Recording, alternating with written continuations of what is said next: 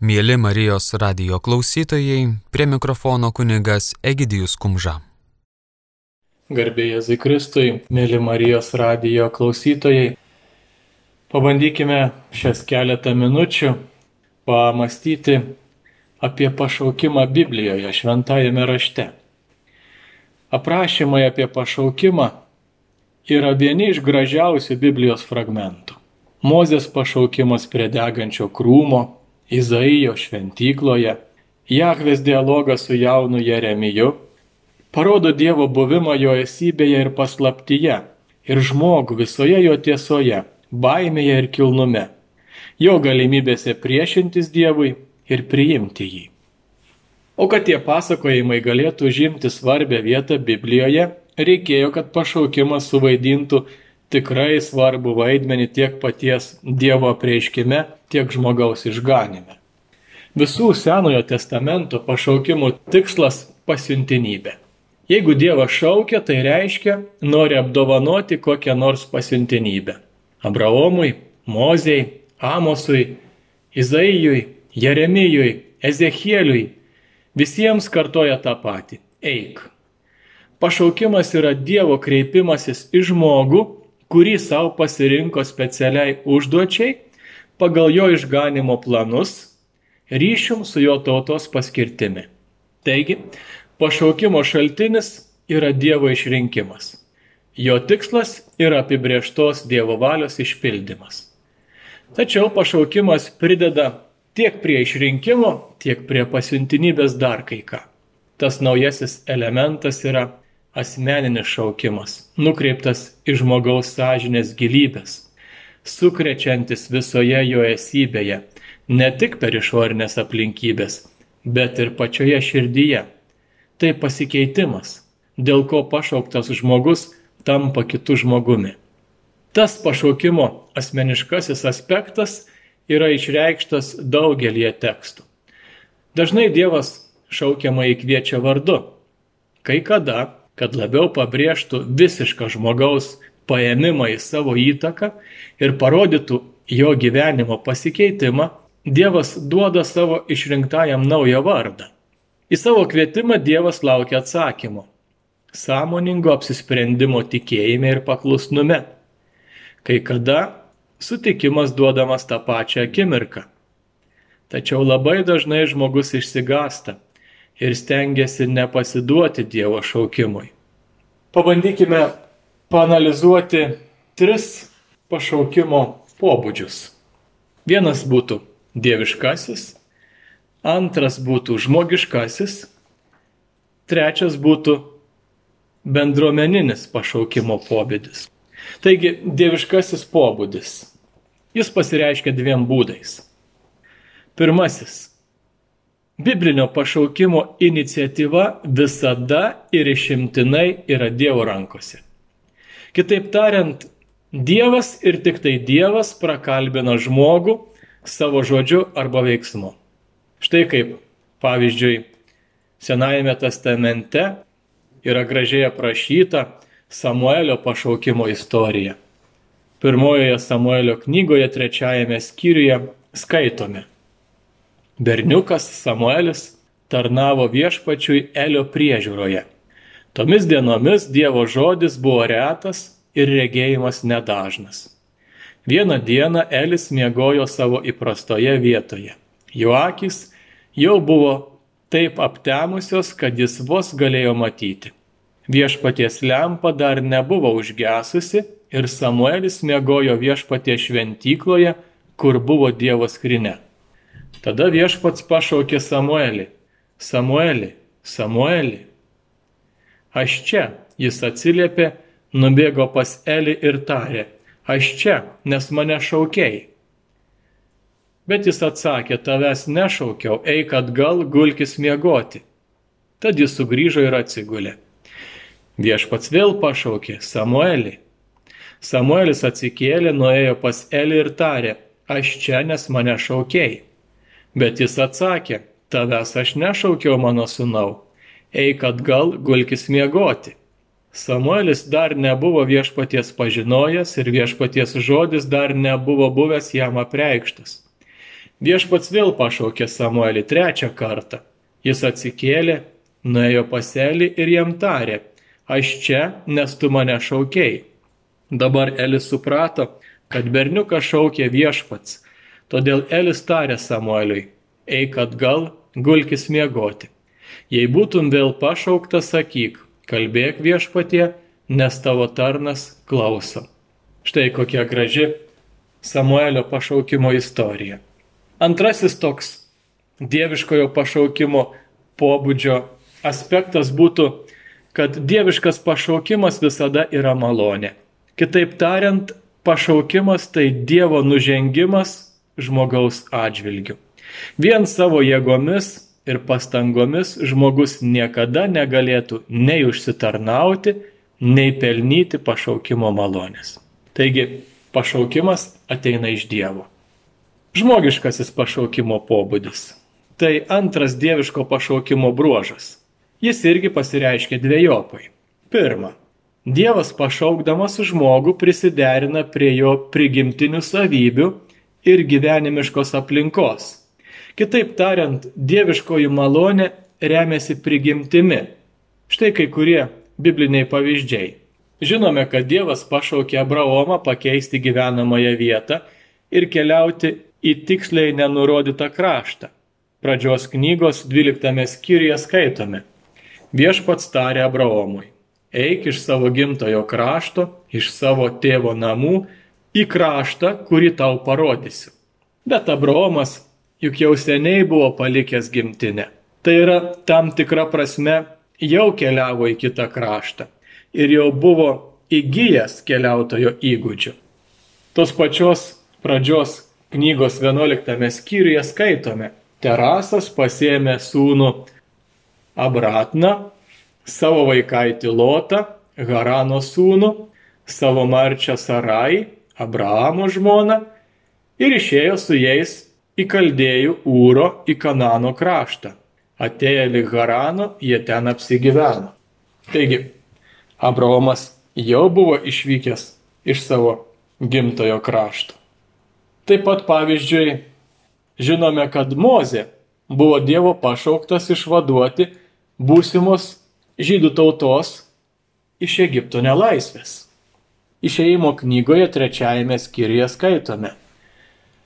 Aš mačiau savo tautos kančią Egipte, girdėjau jų skundo šauksmus prieš savo engėjus Iš tikrųjų, aš gerai žinau, ką jie kenčia. Nužengiau išgelbėti iš egiptiečių rankų ir nuvesti iš to krašto į gerą ir erdvų kraštą, į kraštą tekantį pienu ir medumi, į šalį kananiečių, hetitų, amoriečių, perizitų, hivititų ir jebusitų.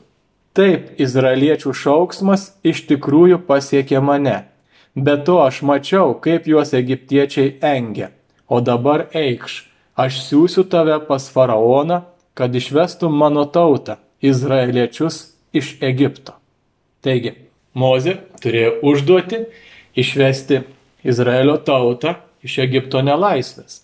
Bet tuo tarpu Mozė jau gerokai anksčiau savo iniciatyvą buvo pradėjęs išsivadavimo darbą. Išėjimo knygos antrajame skyriuje skaitome. Vieną kartą, kai Mozė jau buvo užaugęs, jis nuėjo pas savo giminės. Stebėdamas jų lažo darbus, jis pamatė vieną egiptietį mušantį hebrajų, vieną iš jo giminių. Apsidairęs aplinkui ir nieko arti nematydamas, jis egiptietį užmušė ir paslėpė smėlyje. Panašiai Naujajame testamente elgėsi Jėzus, pašaukdamas žvėjus taigi vyrus išmanančius žvejybos amatą būti žmonių žvėjais. Vaikščiodamas palei Galilėjos ežerą, Jėzus pamatė du brolius, Simoną vadinamą Petru ir jo brolį Andriejų, metančius tinklą į ežerą. Mat buvo žvėjai. Jis tarė, eikite paskui mane, aš padarysiu jūs žmonių žvėjais. Skaitome Mato Evangelijos ketvirtajame skyriuje. Taigi, Dievas pašaukdamas žmogų prisiderina prie jo prigimtinių savybių, prie jo gyvenimiškos aplinkos. Kitaip tariant, Dievo malonė remiasi prigimtimi. Antras žmogiškojo pašaukimo pobūdžio aspektas būtų tas, kad Dievas prisitaiko prie žmogaus prigimties ir prabyla jam suprantama bei prieinama kalba. Tačiau irgi gali būti išimčių. Pavyzdžiui, Izaijas buvo pašauktas būti pranašu per antgamtinį regėjimą. Dieviškas pašaukimas yra dialoginio pobūdžio. Kitaip tariant, jis turėtų būti žmogaus atpažintas, priimtas ir įgyvendinamas. Trečiasis pašaukimo pobūdis būtų bendruomeniškumas. Dieviškojo pašaukimo malonė yra universali. Tai reiškia, kad kiekvienas pašaukimas skirtas ne asmeniškai naudotis, bet visada yra dėl kitų ir kitų naudai. Štai konkretus pavyzdys. Pašaukdamas Abraomą Dievas tarė, padarysiu iš tavęs didelę tautą ir tave palaiminsiu. Išaukštinsiu tavo vardą ir tu būsi palaiminimas laiminsiu tave laiminančius ir keiksiu tave keikiančius. Visos žemės gentys ras tavyje palaiminimą. Skaitome pradžios knygos 12 skyriuje. Kiekvienas pašaukimas skirtas padėti ir paties pašauktojo bendrystę su Dievu palaikyti bei pagilinti. Išėjimo knygoje skaitome, jūs matėte, ką padariau egiptiečiams, kaip nešiau jūs ant erelių sparnų ir pas save jūs atsivedžiau. O dabar, jei paklusite mano balsui ir laikysitės mano sandoros, jūs būsite mano nuosavybė, brangesnė man už visas kitas tautas. Iš tikrųjų, man priklauso visa žemė, bet jūs būsite mano kunigiška karalystė ir šventa tauta. 19 skyrius, 4-6 eilutės. Šitie žodžiai buvo Dievo ištarti ir tautai Mozės perduoti sandoros prie Sinajos kalno sudarimo išvakarėse. O biblinė Dievo ir žmogaus sandora nėra paprastas dviejų fizinių asmenų kontraktas. Biblinė sandora tai Dievo ir žmonių gyvenimo bendrystė. Pašaukimas - vienas iš daugelio Biblijos žodžių, kurie bėgant metams pakeitė reikšmę ir buvo nuvertinti. Kasdienėje kalboje pašaukimu galime vadinti darbą arba karjerą. Tačiau Biblijoje šis žodis vartojamas platesnė ir kilnesnė prasme. Jis akcentuoja ne žmogišką, ką mes darome, o dievišką, ką Dievas pašaukė mus daryti aspektą. Naujajame testamente graikiškas žodis šaukti pavartotas apie 150 kartų, daugumoje atveju Dievui šaukiant žmonės. Senajame testamente Dievas pašaukė Mozę, Samuelį ir pranašus. Naujajame testamente Jėzus pašaukė dvylika ir vėliau Saulį iš Tarso. Šiais laikais, nors ir nesame nei pranašai, nei apaštalai, jis vis dar šaukia tarnauti jam. Kaip nuostabu, kad Dievui mes pakankamai rūpime, kad mus šauktų asmeniškai. Dėl to Dievas yra tas, kuris pašaukė o mes esame jo tikslu pašauktieji. Tad ką pagal šventąjį raštą Dievas mus pašaukė daryti? Koks yra mūsų dieviškas pašaukimas? Prieš atsakydami šį klausimą turime bendrą pašaukimą atskirti nuo konkretaus pašaukimo. Bendras pašaukimas skirtas visiems Dievo žmonėms. Todėl visiems yra toks pats. Konkretus pašaukimas skirtas kiekvienam asmeniškai. Todėl jis yra labai įvairus. Dievas visus šaukia bendrai ir kiekvienas esame gavę tam tikrą konkretų pašaukimą.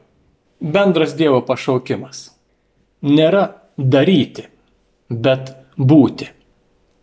Nors jis šaukia žmonės įvairiems darbams atlikti, Pirmiausia, jis mus šaukia svarbesniam dalykui - būti Jėzaus Kristaus mokiniais, gyventi naują gyvenimą naujojoje bendruomenėje ir pasaulyje. Tad kam nors paklausus, koks tavo pašaukimas, pirmas ir teisingas atsakymas turėtų būti aš esu pašauktas priklausyti Jėzui Kristui. Iš tikrųjų, Dievas mus šaukia priimti visus palaiminimus, kurie yra Jėzuje Kristuje ir džiaugtis jais. Esame pašaukti bendrystėje su Jėzumi Kristumi. Nuo jo viskas prasideda. Jis vis dar kviečia, ateik pas mane, sek manimi. Kaip Kristus pašaukė dvylika, kad jie būtų kartu su juo, taip jis mus šaukia pažinti jį ir džiaugtis jo draugystę.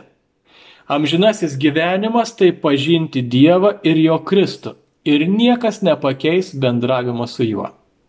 Esame pašaukti laisviai.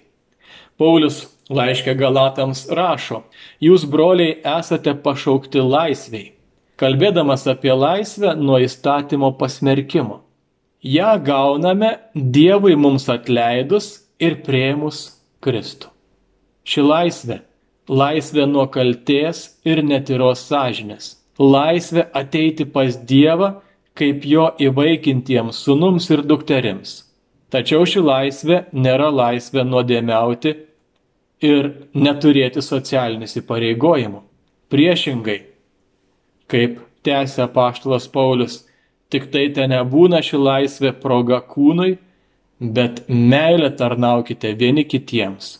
Pažodžiui, vergaukite vieni kitiems. Esame pašaukti ramybei. Jūsų širdise te viešpatauja Kristaus ramybė, nes būdami vieno kūno nariais esate pašaukti ramybei. Nuoroda į vieną kūną padeda suprasti, ką paštalas Paulius turėjo omenyje. Jis čia nekalba apie ramų protą, širdį ar sąžinę, bet apie susitaikymo ramybę Kristaus karalystės bendruomenėje. Dievas mus šaukia priklausyti ne tik Kristui, bet ir Kristaus žmonėms. Esame pašaukti šventumui arba būti šventaisiais. Kadangi pats Dievas yra šventas, jis ir mus šaukia būti šventais. Deja, daugeliu žmonių šventumas asocijuojasi su neteisingu įvaizdžiu. Jie įsivaizduoja nuo pasaulio užsidariusius pamaldžius žmonės išbliškusiais veidais ir tuščiais žvilgsniais. Tačiau tikras šventumas tai realiame pasaulyje atsiskleidžiantis panašumas į Kristų. Ir esame pašaukti liudyti. Apaštulas Petras sako, o jūs esate Dievo tauta, kad skelbtumėte darybės to, kuris pašaukė jūs iš tamsybių į savo nuostabę šviesą. Tai, kuo buvome seniau, apaštalas Petras supriešina su tuo, kas esame dabar.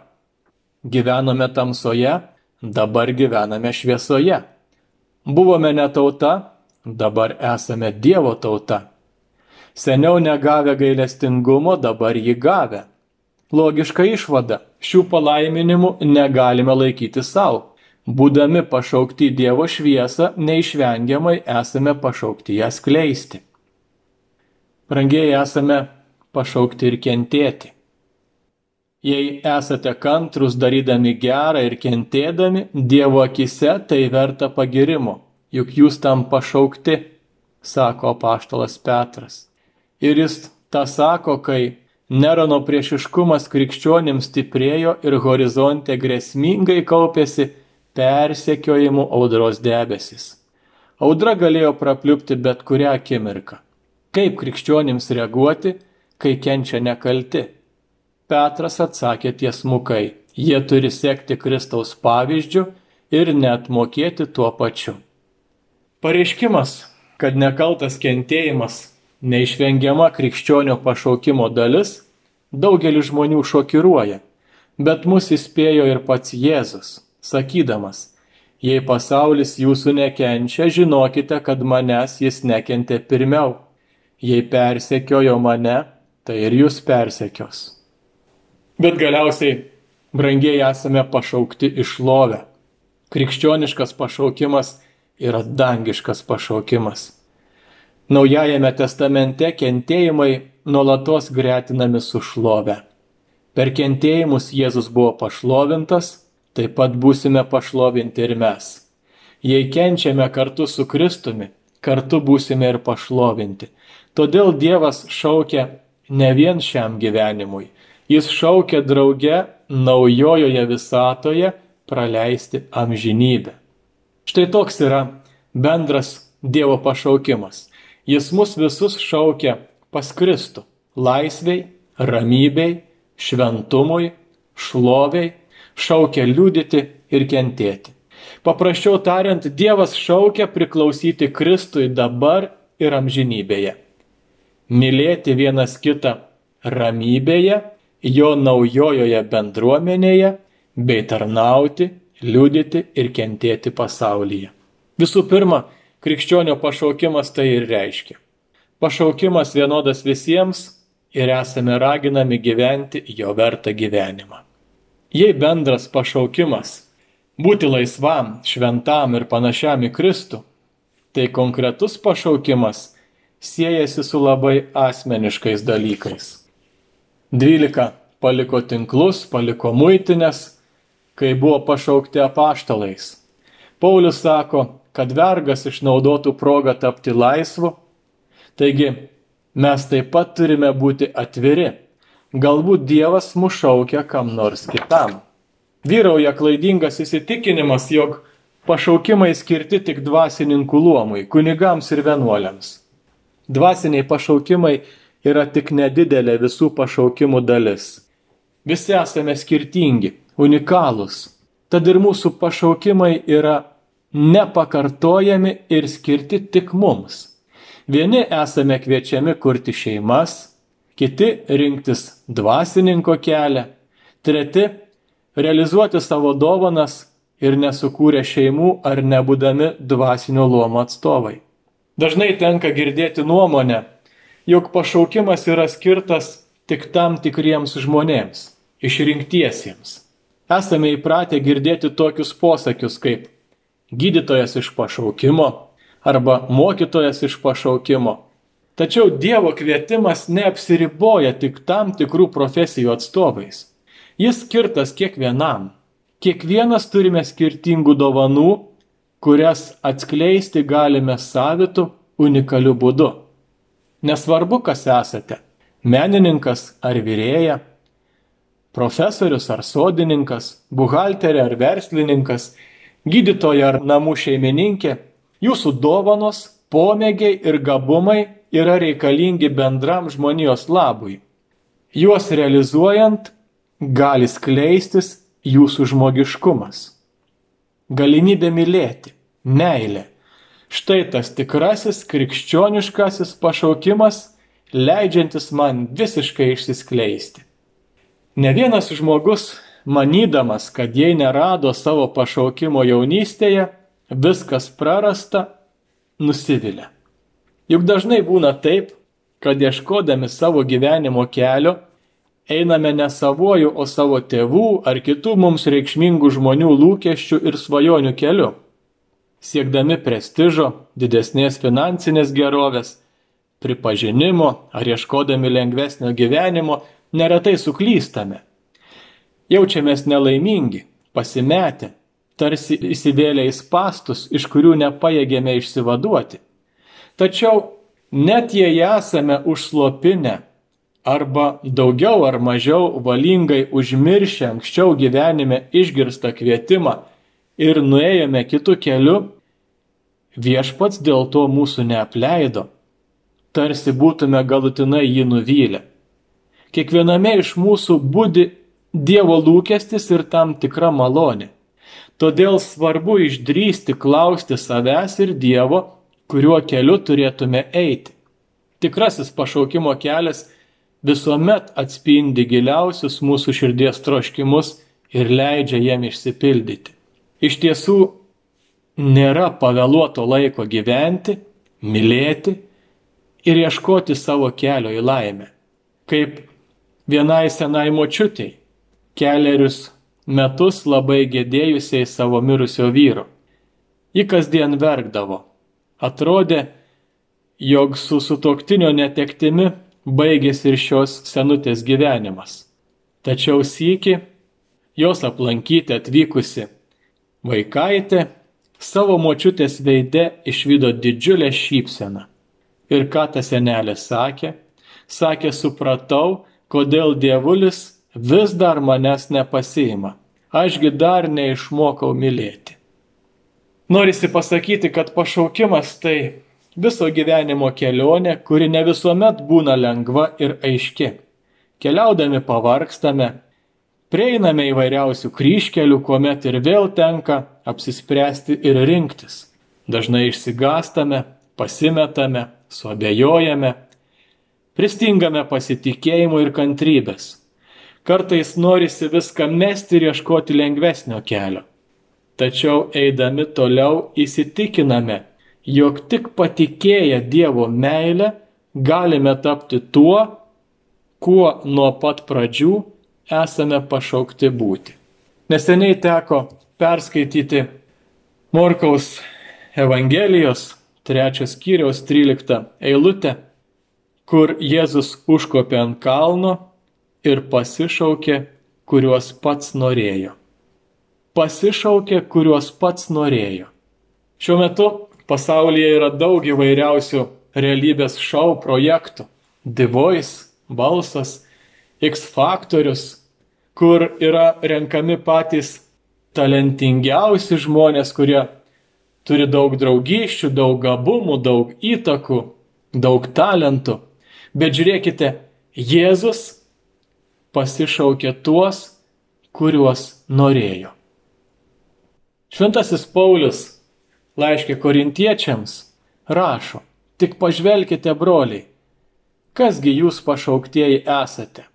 Žmonių akims žiūrint, nedaug tarp jūsų yra išmintingų, nedaug galingų, nedaug kilmingų, bet Dievas pasirinko, kas pasauliui atrodo kvaila, kad sugėdintų išminčius Dievas pasirinko, kas pasauliui silpna, kad sugėdintų galiūnus. Taigi, iš kitos pusės galėtume pasakyti, kad Dievui patinka pasirinkti žemo profilio įrankius. Ar žinojot pavyzdžiui, kad Moze mikčiojo išvesti tūkstančius izraelitų iš Egipto nelaimės, Dievas pasirinko žmogų, kuris mikčioja.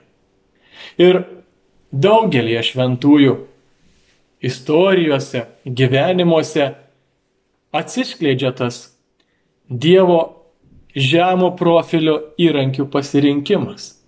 Pavyzdžiui, šventasis Arso klebonas, kuris vos pabaigė seminariją, vos baigė šventimus, nes jam nesisekė mokslai, tapo šventuoju.